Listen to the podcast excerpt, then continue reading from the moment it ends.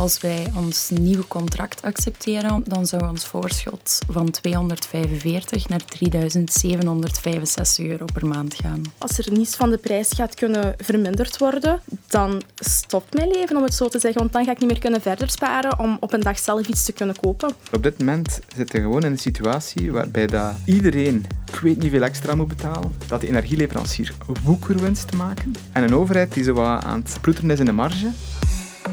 Misschien heb jij jouw verwarming al een graadje lager gezet of heb je al tochthonden gekocht. Heel ons land probeert energie te besparen om de peperdure facturen te verlagen, ook jongeren. Welke gekke maatregelen nemen we nu al en wat kunnen we nog doen om de winter door te komen? Jeroen Baats, Kautar Olischki en Emilia van Nieuwenhuizen zitten rond mij aan tafel om dat vandaag te bespreken. Kautar Olischki, hi, je bent 26. Ik ben hier omdat mijn ouders een heel hoge voorschotfactuur hebben ontvangen, het niet kunnen betalen en dat ik voor hun heb ingesprongen om het te betalen. Jeroen Baats, jij bent 35. Hallo. Hallo, ik werk voor een energiebedrijf Energent en wij helpen eigenlijk op dagelijkse basis tientallen gezinnen met de renovatie van hun woning, maar ook met de besparing van energieverbruik. Dus dat is de reden dat ik hier ben. Jij bent de expert aan tafel vandaag, prima. En Emilia van Nieuwenhuizen, hallo, jij bent 22. Wat kom jij hier doen vandaag? Ik kom hier wat meer vertellen over de dubbele visie van een klant met hoge energiefacturen en iemand die gewerkt heeft bij een energieleverancier. Oké, interessante nieuwe insteek. Super. Hoe geraken we samen uit deze crisis? Moeten we eraan wennen dat energie een groter deel van ons budget uitmaakt of moeten de prijzen absoluut naar beneden? Dat hoor je allemaal in deze aflevering. Ik ben Aurélie en je luistert naar Snapt je mij nu?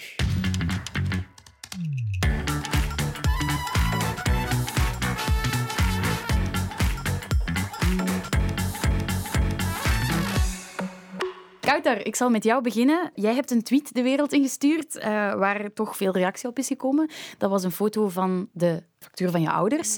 En daarin vertelde je dat zij het niet meer konden betalen. Dat klopt. Het was een voorschotfactuur van 669 euro. Hun eerdere voorschotfacturen bedroegen ongeveer 250 euro. Dus dat is toch wel meer dan een verdubbeling. Ja. Wat voor hun onmogelijk is om te betalen. Mijn mama verdient niet zoveel. Mijn papa is 85, ondertussen gepensioneerd. En ja, heeft toch wel enkele aandoeningen die met de leeftijd gerelateerd zijn. Ik heb dus voor hen bijgesprongen om het te betalen. Dus jij voelt het wel erg? Ja, ja enorm. Want mijn leven stopt hier een beetje door. Als ik dit elke maand ga moeten betalen, als er niets van de prijs gaat kunnen verminderd worden, dan stopt mijn leven, om het zo te zeggen. Want dan ga ik niet meer kunnen verder sparen om op een dag zelf iets te kunnen kopen. Jij woont nu nog thuis bij je ouders. Inderdaad. Je bent aan het sparen om iets te kopen. En dat lukt niet als je die factuur van je ouders moet betalen. Als het elke maand 670 euro gaat zijn, of misschien meer in de toekomst, nee, dan gaat dat niet lukken. Jij bent het noodplan van je ouders? Spijtig genoeg wel. Ze hadden daar zelf liever geen gebruik van gemaakt. Maar het is een moment van leven of overleven. En dan ben ik liever de persoon die er gaat voor zorgen dat ze een normaal leven kunnen leiden in mhm. plaats van dat ze misschien in de koude moeten zitten en alles gaan moeten laten wat ze willen doen. En hoe lang kan je dan nog trekken? Zolang als het moet. Dat is het voordeel van, van mij, dat ik nog thuis woon terwijl ik een vast contract heb. Mhm. Dus ik kan het lang blijven doen. Maar natuurlijk, dan ja, ga ik denk ik toch spijtig genoeg nooit een huis kunnen kopen of een appartement. Mhm. Of... Ik was eigenlijk van plan om voor mijn 28ste het huis uit te zijn en een leven te leiden, een eigen leven. Ik word volgende maand 27. Ik zie het niet gebeuren dat ik nog op een jaar tijd een huis of een appartement ga kunnen kopen en alle facturen ga, zelf ga kunnen betalen als de energieprijzen zo hoog blijven. Ja, dat is, dat is dan het tweede deel eraan. Je betaalt enerzijds de factuur van je ouders, maar je kan anderzijds ook niet alleen gaan wonen omdat je dan dezelfde facturen voor jezelf Inderdaad, dat is gewoon onmogelijk. Ik, ik heb niet het hoogste loon, maar ik verdien ook niet slecht. Maar zulke facturen, nee, dat is onmogelijk om zelf te betalen. Wat doe je in je dagelijks leven? Ik werk als farmaceutisch technisch assistent in een apotheek. Mhm. Ik merk ook op dagelijkse basis bij mijn patiënten dat het toch wel een dagelijks onderwerp is waar we over praten. En dat soms ook de medicatie onbetaalbaar wordt omwille van alle facturen. En de prijs van sommige medicaties gaat ook omhoog. Het maakt het voor iedereen moeilijk. Mhm. ja. We hebben nog een vreselijk verhaal aan tafel. Emilia, hoe zit het bij jou thuis? Ik doe aan co-housing, dus niet meer bij mijn ouders. Gewoon met drie personen die elk een deel van de rekening betalen. Ik zelf zit nu op arbeidsongeschiktheid met een uitkering van 1200 euro. En als wij ons nieuwe contract accepteren, dan zou ons voorschot maandelijks van 245 naar 3765 euro per maand gaan. 3700 euro per Ja. maand. Ja. Mag ik vragen hoe dat jouw huis eruit ziet? Het is wel een redelijk groot huis en niet supergoed geïsoleerd. Maar daar kunnen we helaas ook niet superveel aan doen, omdat het maar een huurhuis is. Het is niet onze plaats om zelf te gaan renoveren, maar de huisbaas zet er ook niet direct voor open. Je hebt je huisbaas daarover aangesproken. Ja, eh, we zijn enkel toegelaten om de verlichting aan te passen naar LED en tochtstrips te plaatsen aan de deur om. Maar meer niet. Op eigen kosten. Ja. Jezus. Ja, dat is een probleem dat heel veel huurders hebben. Hè. Er wordt altijd gesproken over isolatie of zonnepanelen leggen of zo, maar eh, als je er niks aan kan doen. ja. En eh, kan je dat betalen, zo'n met jouw huisgenoten? Nee. Puntje bij paaltje komt een factuur van duizenden euro's per maand. Nee, mijn huisgenoten kunnen hun deel misschien wel betalen. Maar als we die 3700 en zoveel door vier delen, dan heb ik al bijna alles van mijn uitkering moeten uitgeven aan energie. Dat is niet haalbaar. Ik krijg ook geen extra hulp van de overheid of OCMW of zo, omdat het maar arbeidsongeschiktheid is. Dus En waarom ben je arbeidsongeschikt, als ik dat mag vragen? Dat was een combinatie van heel wat gezondheidsproblemen, plus dan nog eigenlijk een beetje een burn-out van bij de energieleverancier. Ja, daar wou ik toe komen. Hè. Je hebt voor een energieleverancier gewerkt, die we nu niet nader gaan vernoemen. En dat is daar vrij slecht afgelopen, als ik het goed begrijp. Ja, wat voordien een heel uitgebreide functie was, met van alles van zonnepanelen tot verhuizen en sales, waren wij ineens met een volledig kantoor één grote klachtendienst. Normaal moesten wij drie keer per dag telefoneren. Nu stonden mensen urenlang in de wachtrij. Eh, hadden we dan ook nog e-mails met een achterstand van drie, vier maanden. En daarbovenop kwam dan het gebrek aan respect van de klant. Er werd op ons geroepen, wij werden bedreigd. Mijn familie is bedreigd geweest zelfs. Jezus. Dus niet per se van het bedrijf uit, maar vooral de situatie met de klanten. Ja, want jij wilde eigenlijk eerst hier anoniem komen getuigen. Ja, eh, Dat je zo veel schrik had. Klopt. Met enkel en alleen mijn voornaam en dan ja, de naam van het bedrijf. Eh, hebben heel wat mensen mij op Facebook al gevonden. Emilia is niet zo'n vaak voorkomende naam. En daar werd ik dan ook effectief nog bedreigd. Of probeerden mensen een rechtszaak tegen mij te starten zelfs. Heel Oh gek allemaal. Terwijl je, hoe ironisch, zelf jouw energiefacturen niet kan betalen. Klopt. En ik ook de prijzen niet bepaal natuurlijk. Nee, het is dat. Mensen vergeten dat misschien af en toe, dat de persoon aan de lijn er Ja. niet aan kan doen.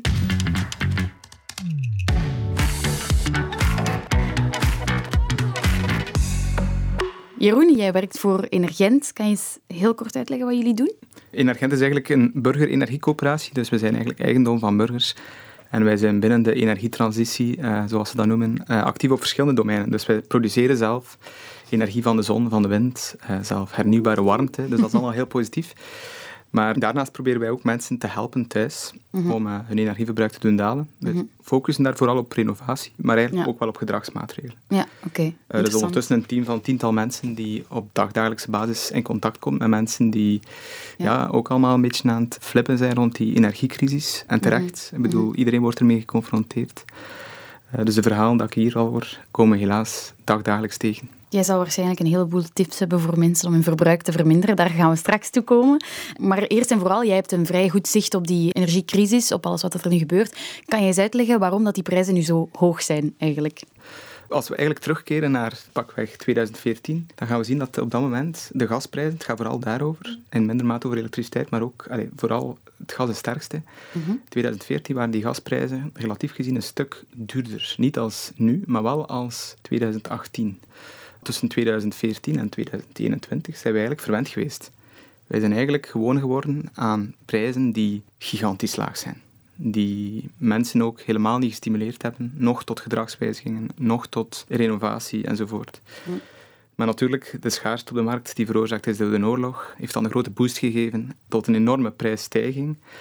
Enerzijds, schaarste leidt altijd tot stijgende prijzen. Anderzijds is het ook wel zo dat dat marktmechanisme, dat is een speciaal mechanisme. Ik bedoel, eh, schaarste leidt tot hogere prijzen, maar stel dat de prijs vandaag 100 euro is voor een bepaalde energieunit, dan ehm, kunnen bedrijven ook zeggen, we gaan een bepaalde hoeveelheid gas in beginnen kopen voor de komende maanden, zodanig dat wij goed zitten Maar dan krijg je natuurlijk nog extra schaarste en krijg je eigenlijk paniekreacties.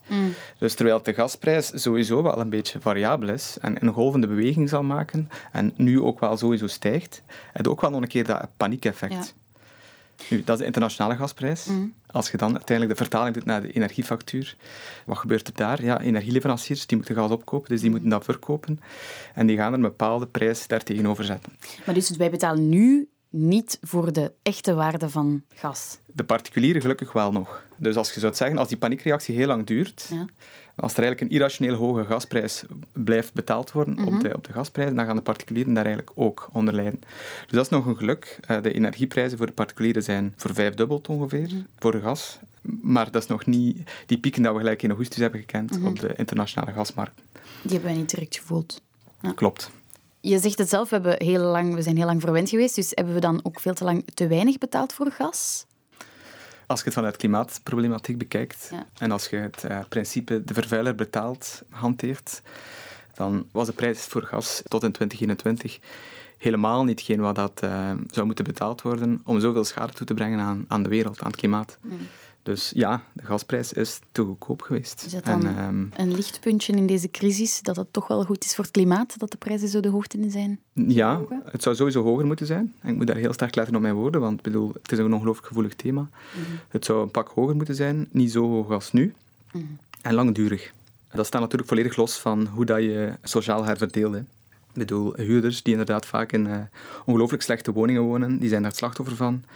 Er zijn allerhande maatregelen die ervoor kunnen zorgen dat dat niet kan. Hè. Je kunt verhuurders verplichten om te renoveren enzovoort. Je kunt eh, compensatiemechanismes uitwerken. Maar de gemiddelde gasprijs die zou moeten betaald worden, die moet een pak hoger zijn als vroeger. Ik denk ik een factor 3. Maar een factor 5 is misschien wel veel. Want wat is nu eigenlijk het duurste momenteel? Elektriciteit of gas? Eh, per eenheid van energie is elektriciteit nog altijd duurder. Maar vroeger Ja? was elektriciteit veel duurder. Vroeger was elektriciteit eh, zes à zeven keer duurder als gas. Nu is elektriciteit nog twee à drie keer duurder als gas. Dus de verhouding is heel sterk veranderd. Een warmtepomp werkt op elektriciteit, maar die verbruikt vijf keer minder. Ah ja. Waardoor dat je eigenlijk erop vooruit gaat. Dus dat is het eh, principe daarvan. En hoeveel kost dat zoiets?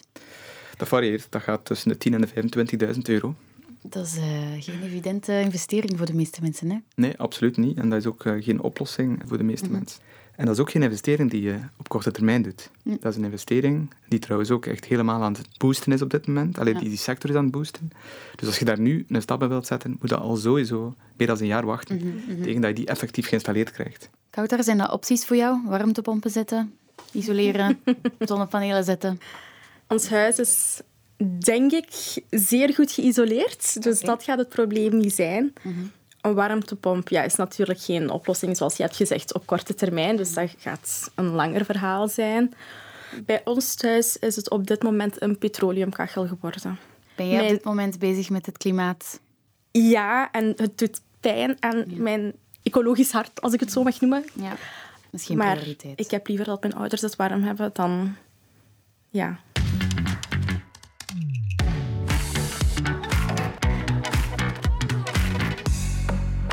zal eens een schokkend cijfer bovenhalen. Oei, oei. 50% van de Vlamingen zal deze winter in energiearmoede dreigen te komen. Dat betekent dat je moeite hebt met je energiefactuur te betalen. Ik ga eventjes ehm, Stefan Goemaren van het eh, Netwerk tegen Uitsluiting SAMO laten horen. Onze inschatting is dat eh, voor deze winter tot de helft van de Vlaamse gezinnen, dus 50 procent, eh, dreigt in problemen te komen met het betalen van de energiefactuur en dus ook energiearmoede zullen kennen. En voor Brussel en Wallonië liggen die cijfers hoger, tot zelfs 70 procent van de gezinnen in Brussel, gezien de inkomens in Brussel lager liggen dan in Vlaanderen. Ik viel echt van mijn stoel toen ik deze cijfers hoorde. De helft van de Vlaamse gezinnen gaat in energiearmoede komen. 70% in Brussel. Emilia, wat denk je als je deze cijfers hoort? Ik had dat wel verwacht. Ja. Die stijgingen zijn al langer aan het gebeuren dan de mensen zich bewust zijn. En het stopt ook niet direct. Ook al zijn er af en toe nog eens dalingen, om, het stijgt terug opnieuw gewoon. En als ik bij mijn energieleverancier dan de facturen zag van sommige klanten, om, dan schrik ik daar zeker niet van. Ga je daar zelf bij horen? Waarschijnlijk, ja. Zeker omdat ik nog tot minstens april, mei ingeschat wordt om op arbeidsongeschiktheid te moeten blijven. Om. En met een uitkering van 1200 euro per maand kan je gewoon niet veel doen. Wordt je dan niet gesteund? Zijn er dan geen steunmaatregelen voor jou? Helaas niet, nee. Zelfs de verwarmingspremie van 100 euro heb ik blijkbaar geen recht op. En ik heb ook absoluut geen idee waarom. Misschien ook handig om te weten voor luisteraars. Je moet dat zelf opzoeken. Mm Dus als op de website van de FOD Economie, dan wordt dat gelinkt aan uw energieleverancier. En dan staat daar gewoon wel of geen recht op. En wel ja, de voorwaarden en de, de excepties. Maar voor zover ik ze begrijp, zou ik wel recht moeten hebben op die 100 euro. Ja. Maar dat is dus niet het geval. Die steunmaatregelen, daar zullen we subiet nog even op terugkomen. Maar ik wil dat even vragen aan jou, Jeroen, als expert. Wat gebeurt er als je niet meer kan betalen? Dan wordt uw energiecontract overgedragen aan Fluvius. En dan gaat Fluvius eigenlijk tijdelijk een soort van uh, substituut energieleverancier worden. Noodleverancier. Ja. En dan? Wat eh, betekent dat allemaal praktisch gezien? En daar betaalt je in principe een eh, tarief, maar dat kan hoger zijn als je oud tarief. Dus Veel hoger. Kan, altijd. altijd hoger, ik denk. Of, ja, in, in deze situatie is zeker niet de laagste prijs. Dus het kan goed zijn dat je een goed contract hebt, dat je facturen een aantal keer niet hebt kunnen betalen, dat je overgedragen wordt op Fluvius en dat je factuur dan verhoogt. Mhm. Maar in uw geval, met een factuur van 3000 euro, gaan ze dan nog meer kunnen verhogen? Want, um, ik vrees van wel, ja. Want Fluvius is echt effectief maar een noodleverancier. Het is niet de bedoeling dat die leveren, maar als uw leverancier natuurlijk het contract beëindigt, kunnen die niet anders en proberen die u dus echt weg te jagen naar opnieuw een leverancier door die prijzen zo hoog te houden. Maar als je de eerste al niet kon betalen? Ja, ik heb ook bij mijn energieleverancier gemerkt dat daar heel vaak ook deurwaarders betrokken bij waren. Dus bijvoorbeeld die opkomst nu van ik betaal niet, dat is helemaal geen goed idee, want die ja. deurwaarderskosten, daar raak je ook niet aan onderuit. Ja, dus voor de context, uh, er is een Facebookgroep opgericht met heel wat mensen die hun facturen niet meer kunnen betalen. En die weigeren te betalen. En die weigeren te betalen. Maar dus geen goed idee, zeg jij nee, als zeker niet. Ik weet niet exact of dat iets wettelijk is of iets van de voorwaarden van leveranciers. Maar na een bepaalde tijd dat er zoveel niet betaald is, dan wordt dat automatisch doorgestuurd naar een deurwaarder. Dat zijn dan ook dingen waar wij geen macht meer over hebben. Want dat zijn kosten van de deurwaarder dan. Mhm. Die nemen dat over. Mhm. Dus heel vaak kregen wij daar dan de klachten over. Maar op dat moment lag dat al niet meer in onze handen. Ja, dus mensen die het wel kunnen, maar niet willen, best misschien doen. Ja. Ik zie iedereen knikken. Hm. Oké. Uh, er zijn intussen inderdaad al wat maatregelen genomen en aangekondigd. Uh, die 100 euro premie, de btw-verlaging, nu ook een nieuw uh, basispakket voor de winter.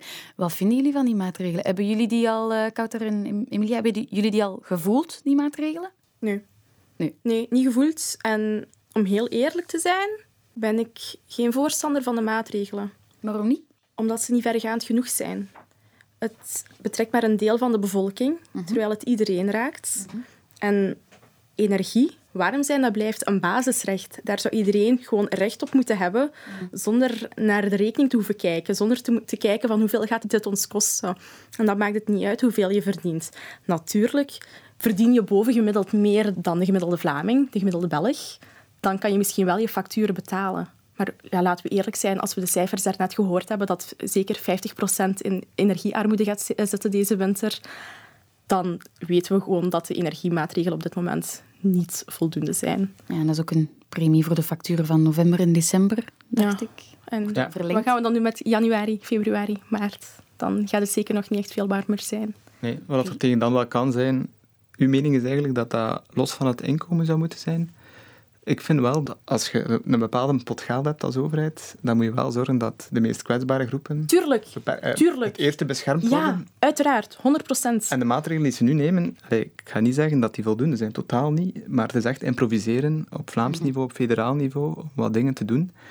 En uh, ik vind het wel goed dat er tenminste een cap wordt gezet op het uh, maximuminkomen. En die cap ligt niet zo laag. Hè. Dus je mocht tot 125.000, denk ik. Het is echt voor de middenklasse. Het is echt voor de brede, brede middenklasse. Het zijn enkel de meest verdienenden die dat niet krijgen. En diegenen die nu al een sociaal tarief krijgen. Maar ja, die betalen vijf keer minder Tuurlijk, ja. dan de mensen die uh, de marktprijs betalen. Mhm, dus mhm. het is logisch dat dat niet voor mensen is van het sociaal tarief. Ja. Maar op dit moment zitten we gewoon in een situatie waarbij dat iedereen ik weet niet veel extra moet betalen door die gastekorten, dat de energieleverancier woekerwinst maken en een overheid die zo wat aan het uh, ploeteren is in de marge. Het is heel duidelijk waar dat het geld zit. Hè. Dus er moet daar gewoon hard op ingebroken worden. En naarmate dat er meer mensen de facturen niet gaan betalen, dan gaan zelfs de meest liberale overheden niet anders kunnen dan daar echt harde maatregelen uit te laten voortvloeien. En nu zijn die maatregelen nog niet sterk genoeg. Bedoel. Dat hangt natuurlijk ook vanaf hoe lang die crisis gaat duren. Mm Ze zeggen nu al, die gasprijzen zijn al aan het matigen. Hè. Het is nu al de helft van hetgeen wat dat was in augustus. Het is al een paar weken nu dat het zo aan het kabbelen is. Mhm.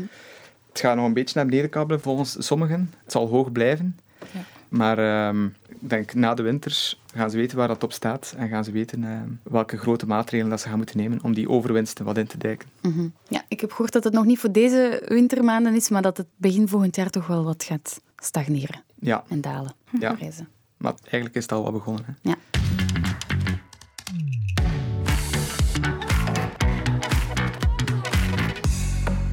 Is nog steeds duur. En acht op de tien Belgen proberen hun energieverbruik naar beneden te halen, proberen hun facturen te doen dalen. De ene draait de verwarming een graadje lager, de andere probeert minder te baden of gaat douchen in de fitness. Wat doen jullie zoal om jullie facturen te doen dalen in het dagelijks leven? Ik ga daar wel Emilia. Uh, hard in, om het zo te zeggen.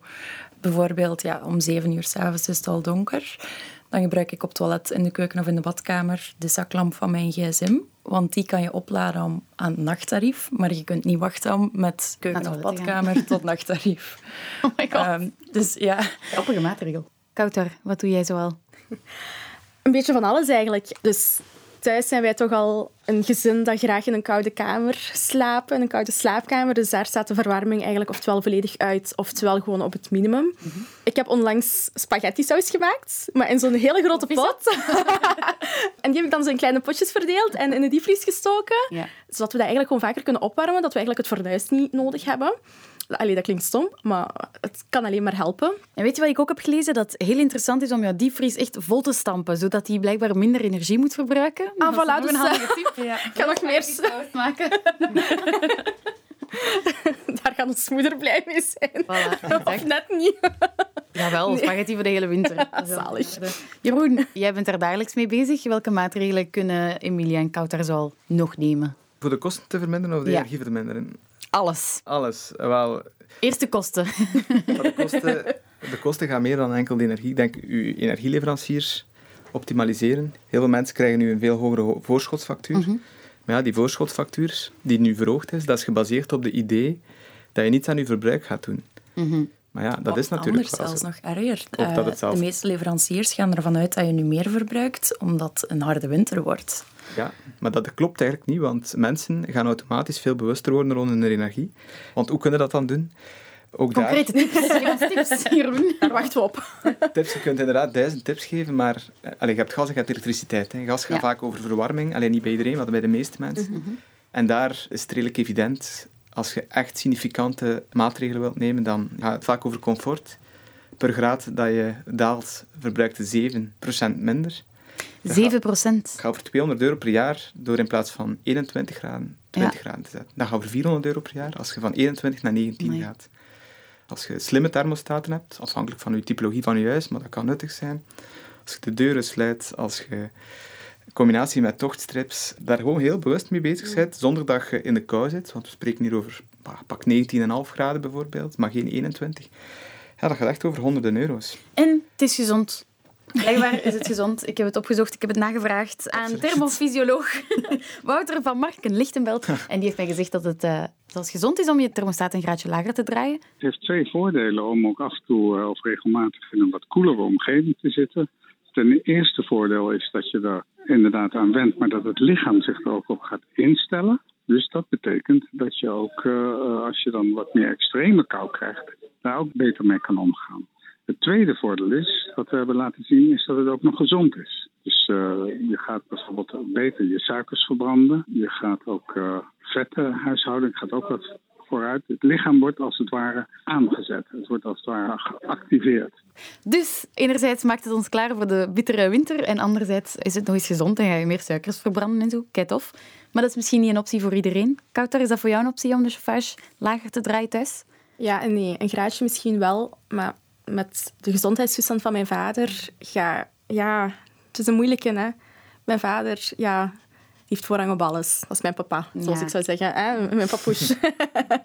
dus ik wil voornamelijk dat hij het comfortabel heeft en dat hij het warm heeft. Vandaar dat we ook de keuze hebben genomen om een petroleumkachel Ja. in de living te zetten, omdat hij daar het grootste deel van de tijd doorbrengt. Uiteraard, niet voor iedereen mogelijk. Nee, maar volledig te begrijpen. Op het werk gaan we de verwarming ook een paar graden koeler zetten. Ik heb twee collega's die echte koukleumen zijn. Zij zijn daar niet blij mee, maar ze gaan gewoon extra truitjes kopen en sjaaltjes. Wist je trouwens dat vrouwen daar meer last van hebben dan mannen? Dat heb ik, eh, Dat is dat ook heb een ik man ook die deze er week... eh, meeste last daarvan heeft bij mij op het werk. Ja, Geert, het gaat over jou. Ja, vrouwen hebben blijkbaar meer last van koude omdat ze meer vet hebben en dat produceert geen warmte. En mannen hebben minder vet en meer spieren en dat produceert wel warmte. Ik vond dat super interessant. Voilà. Weetje van de dag. Ik wil eindigen met nog een paar tips die ik eh, toevallig vandaag in een uitzending van De Wereld Vandaag, ja, ja, reclame voor de collega's, heb eh, gehoord. Ik vond het echt wel grappig. Bijvoorbeeld je radio of je tv minder luid zetten. Dat zou jouw verbruik verminderen. Heb je daar al van gehoord, Jeroen? Maar dat geloof ik echt niet. Nee, dat gelooft... Uh, steek het op mijn collega's. Er zijn echt, er zijn echt 100 tips en er zijn er waarschijnlijk 10 waar je 90% mee bereikt. En we hebben ze niet allemaal overlopen, dat hoeft ook helemaal niet. Maar er zijn veel te veel tips die te weinig uitmaken. Kunnen we, voor de rest dan. Ja, sorry? kunnen we die tien tips dan ergens wel terugvinden? Ja, ik ga er nog even koud ik heb er nog jouw open haard dicht timmeren. Ja, jij gaat het misschien gebruiken, maar als je hem niet gebruikt, dicht timmeren, want dat is letterlijk een open gat naar, Ja. naar buiten. Ook een goede tip. Jouw diepvries zo vol mogelijk steken, vond ik eh, heel illuminating, wist ik niet. Tapijten leggen, want tapijten zijn natuurlijk goed isolatiemateriaal. Jouw vakantie nemen in de winter, zodat je in de winter jouw huis niet moet verwarmen. Vond ik ook een grappige. En anders eh, samen koken met vrienden en beurtrol houden, om niet altijd in dezelfde keuken Oh. eh, ja, vuren te moeten gebruiken. Zie, en zo. Toch een verwarmend eh, puntje in de crisis. Oké, dank jullie wel. Ik ga het gesprek hier beëindigen. Hopelijk eh, hebben we samen toch een paar mensen kunnen inspireren en hebben ze er toch een paar tips uitgehaald. Merci om alles te komen uitleggen hier. Kautar, Jeroen en Emilia. Dank jullie wel. Salut! Salut. Waar probeer jij jouw vrienden van te overtuigen? Waar lig jij s'nachts van wakker? Stuur me al jouw ideeën door via de Instagram-pagina van VRT Nieuws of stuur me een berichtje op Twitter via Aurélie-Boffé. En misschien ben jij wel te gast in mijn volgende aflevering.